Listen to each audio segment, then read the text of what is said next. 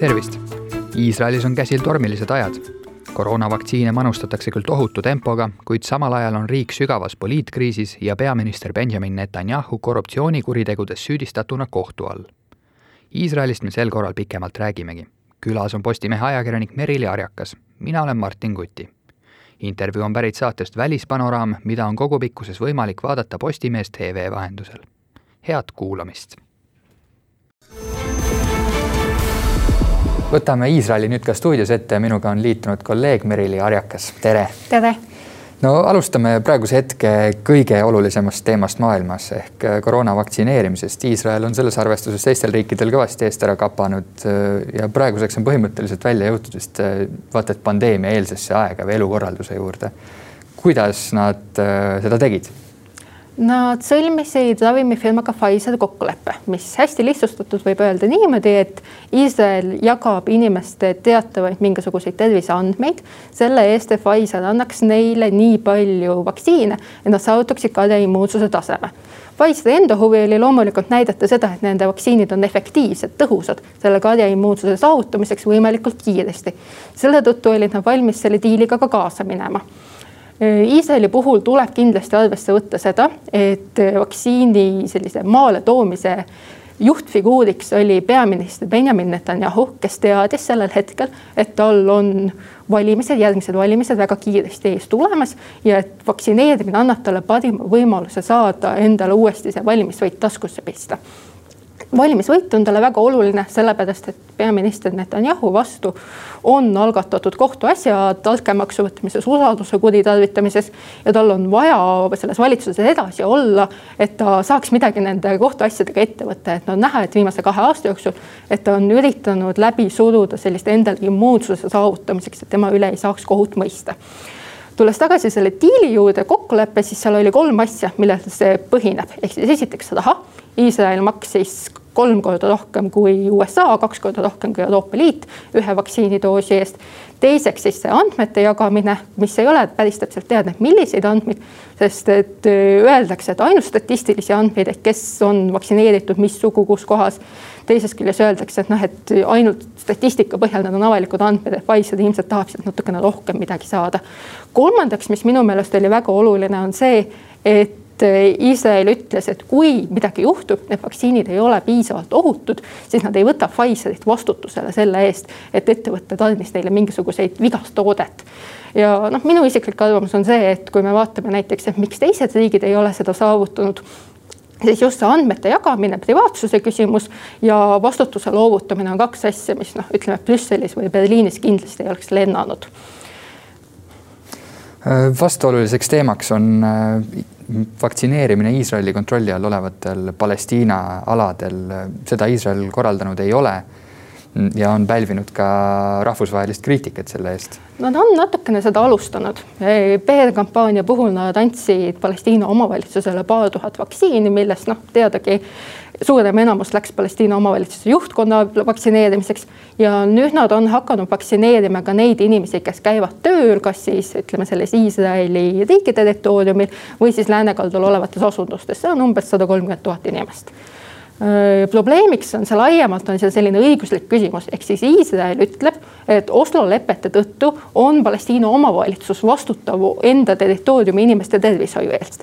samal ajal näiteks ÜRO ametnikud ütlevad, et ei, Genfi humanitaarkonventsioon ütleb, et okupeeriv võim peab tagama tervishoiu enda okupeeritud territooriumil ütleks, et seda rahvusvahelist kriitikat on olnud, aga teisest küljest võib-olla vähem kui mingisuguste muude asjade puhul, sellepärast et iga riik on rohkem mures sellega, kuidas nad ise saavad ära vaktsineeritud enda kogu, enda kogukonna.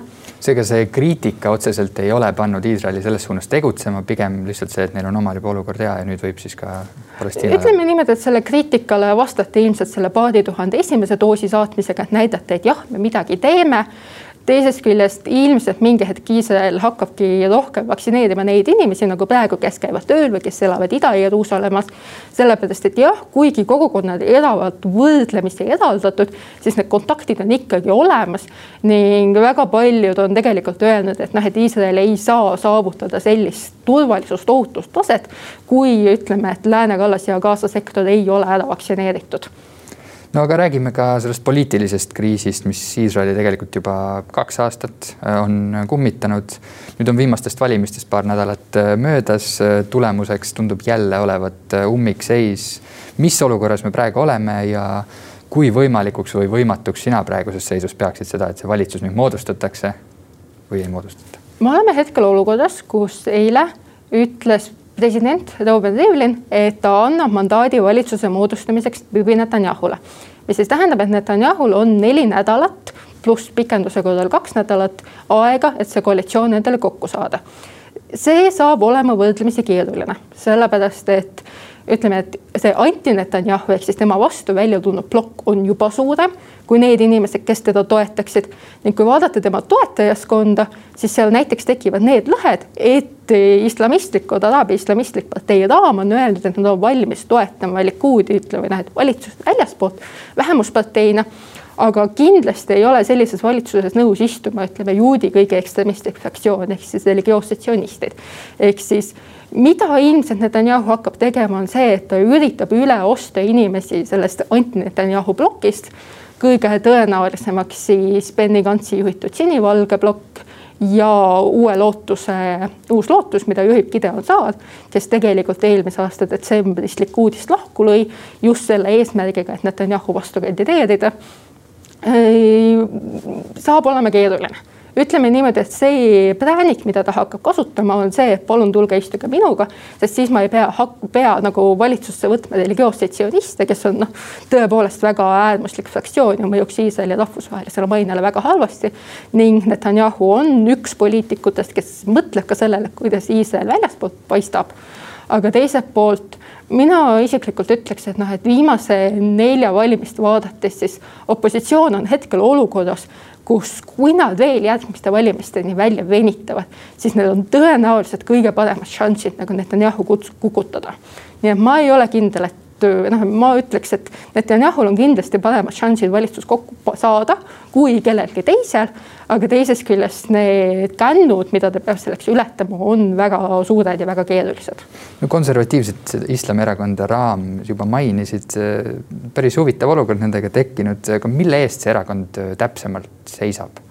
Raam oli osa araablaste ühendnimekirjast, mis on siis paljudel valimistel koos kandideerinud, mõnikord on nad ka lahku löönud sellise konservatiivse liberaalse osa vahel, mõnikord kandideerivad koos. Nemad on siis tõepoolest see kõige konservatiivsem osa araablaste erakondadest. Nad toetavad kahe riigi lahendust, selles mõttes on tegemist Palestiina natsionalistidega. teisest küljest on nad ütleme noh, et avalikkuse ees nende poliitikud on päris tihti kasutanud nagu araabiakeelset sõimusõna geide kohta, öeldes, et tegemist on pervertidega. Nad on kutsunud üles geisid, ütleme ümber õpetama või ümber kasvatama heteroteks, mille peale siis ütleme, et see vasakpoolne Iisraeli avalikkus naeriski, et kui tuli selgeks välja, et tuli välja, et religioossed sionistid nendega koos ei istu, siis ütleski, et näed, valitsus ei tule sellepärast, et araabia homofoobid ei ole või et juudi homofoobid ei ole nõus istuma koos araabia homofoobidega. et äh, tõepoolest, aga teisest küljest jah, et äh, miks nad ka kandideerisid, nad on väga palju, ütleme, öelnud, et peaks pöörama rohkem tähelepanu äh, Iisraeli, Araabia linnade infrastruktuurile, kuritegevusele, olukorra parandamisele. Et äh, kakskümmend protsenti Iisraeli elanikkonnast moodustavad araablased, ehk siis need on need inimesed, kes neljakümne kaheksanda, tuhande üheksasaja neljakümne kaheksandal aastal ei lahkunud Iisraeli riigist ning on olnud kodakondsusega Nad on osalenud valimistel, aga nad ei ole kunagi koalitsioonis olnud, sellepärast et juudi elanikkonna jaoks on see tihtipeale punaseks jooneks no me näeme siin praegu mustrit, toimunud on neljad valimised kahe aasta jooksul, seda on ikka päris palju. milles on asi, et need valitsused seal ei püsi, kas see on poliitmaastik, on see valimissüsteem, on see üldse midagi muud? no kaks asja ehk siis struktuurne küsimus ja personaalne küsimus personaalse puhul me räägime ikkagi need Benjamin Netanyahu isiku küsimusest, sellepärast et tema on lõhestanud parem tiiva ehk siis Netanyahu toetavaks plokiks ja Netanyahu vastaseks plokiks kui Netanyahut seal ei ole, siis saaksid paremerakonnad, oleksid viimastel valimistel saanud seitsekümmend kaks kohta Knessetis saja kahekümnendast kohast. ehk siis sellise kindla enamuse, et valitsuse ära moodustada ja ei oleks mingit küsimust. ning kui vaadata arvamusküsitlusi, siis Iisraeli elanikkonna enamus ongi selline parempoolne, traditsionaalne, ehk siis nad toetavad, ütleme, juudi usupühade tähistamist, aga nad ei arva, et juudi ususeadust peaks laiendama kõikides eluvaldkondades, et noh, et kui Tel Avivis on laupäeval pood lahti, siis see tuleb tingimata kinni panna. Nad on julgeoleku mõttes sellised pigem ütleme, sellised rahvuslikud ja tundlikud, ei arva, et palestiinlastega peaks kohe hakkama mingisuguseid läbirääkimisi pidama, aga nad ei ole nii äärmuslikud, et nad hakkaksid nõudma läänekalda annekteerimist ja kõikide araablaste väljasaatmist, nagu siis tõepoolest mõned inimesed sellel äärmusparempoolsel sfääri lõpus. Aga siis teiselt poolt me saame rääkida ka sellisest struktuursest küsimusest. ehk siis Iisraelis on läbi ajaloo olnud väga lõhikesed valitsused. Ja miks nad on, sellepärast et poliitiline maastik on väga killustunud, kuna neil on valimissüsteem, mis ütleb, et meil on ühtne ringkond ehk siis vahet ei ole, kus sa elad, sa hääletad alati samade kandidaatide poolt. siis on suletud nimekirjad, ehk siis sa hääletad ainult selle partei, ütleme juhi esimeste inimeste poolt. sa ei saa ise, ütleme seda kohta hakata muutma, et anda mingisugusele kahekümne kolmandale inimesele nii palju hääli, et ta Knessetisse jõuaks. ja siis on väga madal valimiskünnis, see tähendab, et keskmises Knessetis on, ütleme kaksteist, kolmteist, neliteist parteid. Ja alati on tegemist koalitsioonivalitsusega, kus peab olema siis neli, viis, kuus erakonda. Igal erakonnal nendest kuuest on, tihtipeale tuleb see mõte, et aa, aga äkki korraldatakse valimised, sellepärast et me võiksime nüüd saada parema positsiooni.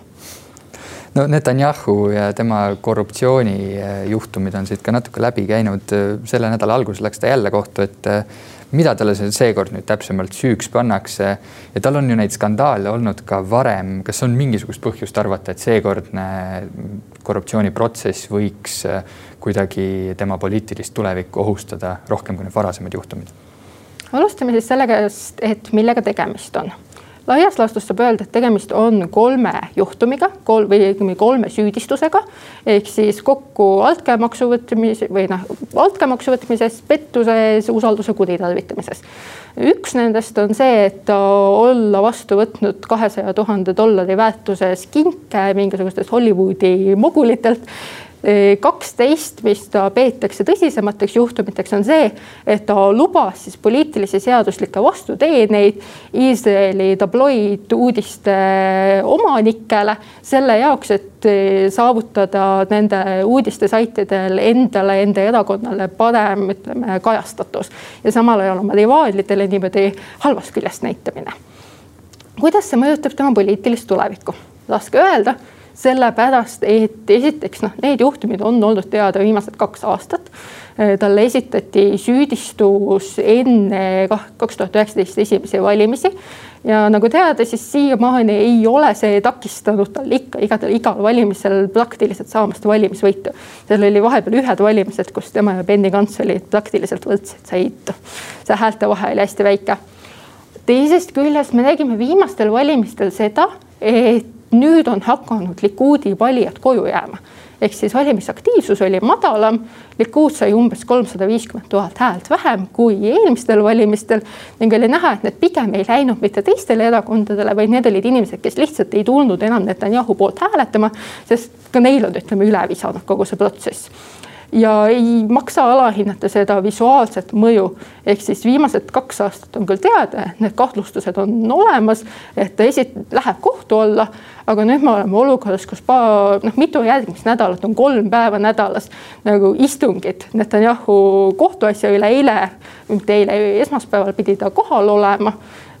Teist pärast seda esmaspäeva hommikul pärast seda kohtunik ütles, et hea küll, et need päris iga päev sa ei pea siin istuma kella üheksast kolmeni aga et see kindlasti noh, Iisraeli meedia pöörab sellele väga palju tähelepanu, see on kogu aeg pildis ja see võib tekitada olukorda, kus ütleme, noh, et kui tulevad viiendad valimised augustis-septembris, et siis on Netanyahul veelgi keerulisem saada neid hääli, mida ta siiani on saanud.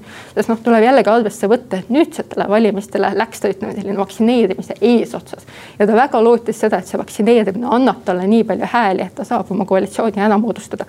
oli näha, et tegelikult ei andnud ning suve, suve lõpuks ma ütlen, et kui nad on praegu jõudnud olukorda, kus nad on vaktsineerimisest saavutanud sellise platoo ehk siis nende täiskasvanud elanikkonnas ei ole enam väga palju inimesi, kes aktiivselt tahaksid, siis suve lõpus tal ei ole enam seda kuldvõtit no lõpetuseks, Iisrael valib ka presidenti sel aastal. kui palju on räägitud, spekuleeritud sellest võimalusest, et äkki hoopis Netanyahu, kes on lõhestav figuur, panna presidendi kohale, tema oleks võib-olla rahul sellega, et, et pääseks siis ka kohtupidamisest? Need spekulatsioonid on olemas mitte väga palju, sellepärast et see presidendi ametiaja lõppemine on saanud üldse väga vähe tähelepanu lihtsalt sellepärast, et kogu avalikkuse aud on läinud siis tõesti valitsuse moodustamisele ja Benjamin Netanyahu kohtuasjadele valimised, ütleme niimoodi, et Evelini ametiaeg lõpeb juulis, valimised peavad toimuma kolmkümmend kuni üheksakümmend päeva enne seda. praegu on olnud väga vähe arutlust selle üle, et kes selleks võiks saada kui vaadata seadust, siis see võib olla iga Iisraeli kodanik, ehk siis ei ole noh, seal ei ole seda parameetrit, et ta ei tohiks olla näiteks kohtu all olev inimene kriminaalasjade tõttu. teisest küljest siin on õhku visatud, et äkki Knessetis on olemas see enamus, et panna ta lihtsalt presidendi ametikohale, aga teisest küljest sellel anti-Netanyahu plokil on väga keeruline tulla ja öelda, et meil on inimene, kes ei sobi peaministriks sellepärast, et ta on korruptsiooni tõttu kohtu all, paneme ta siis lihtsalt presidendiks ära. kui ajalugu vaadata, siis esimene inimene, kellele pakuti Iisraeli presidendi ametikoht oli Albert Einstein, sest leiti, et noh, et see on nii väärikas ametikoht, et kutsume tõepoolest ühe maailma ühe kõige väärikama, austatud juudi seda ametikohta täitma ja samuti, mis tuleb arvesse võtta, on see, et tegemist on salajase hääletusega Knessetis. ehk siis Bibi võib-olla oleks valmis sellele teele minema, kui ta arvaks, et tal on, ütleme selline kuuskümmend protsenti toetust olemas. olukorras, kus see toetus on niimoodi õhkõrnalt, võib-olla natuke üle keskmise, sealt võivad inimesed ära kukkuda ja ta ei tea, kes kukub, ta ei saa neile hakata mingisuguseid karistusi pärast seda kohaldama, siis ma arvan, et ta tegelikult ei julge selle riski peale minna suur aitäh selle intervjuu eest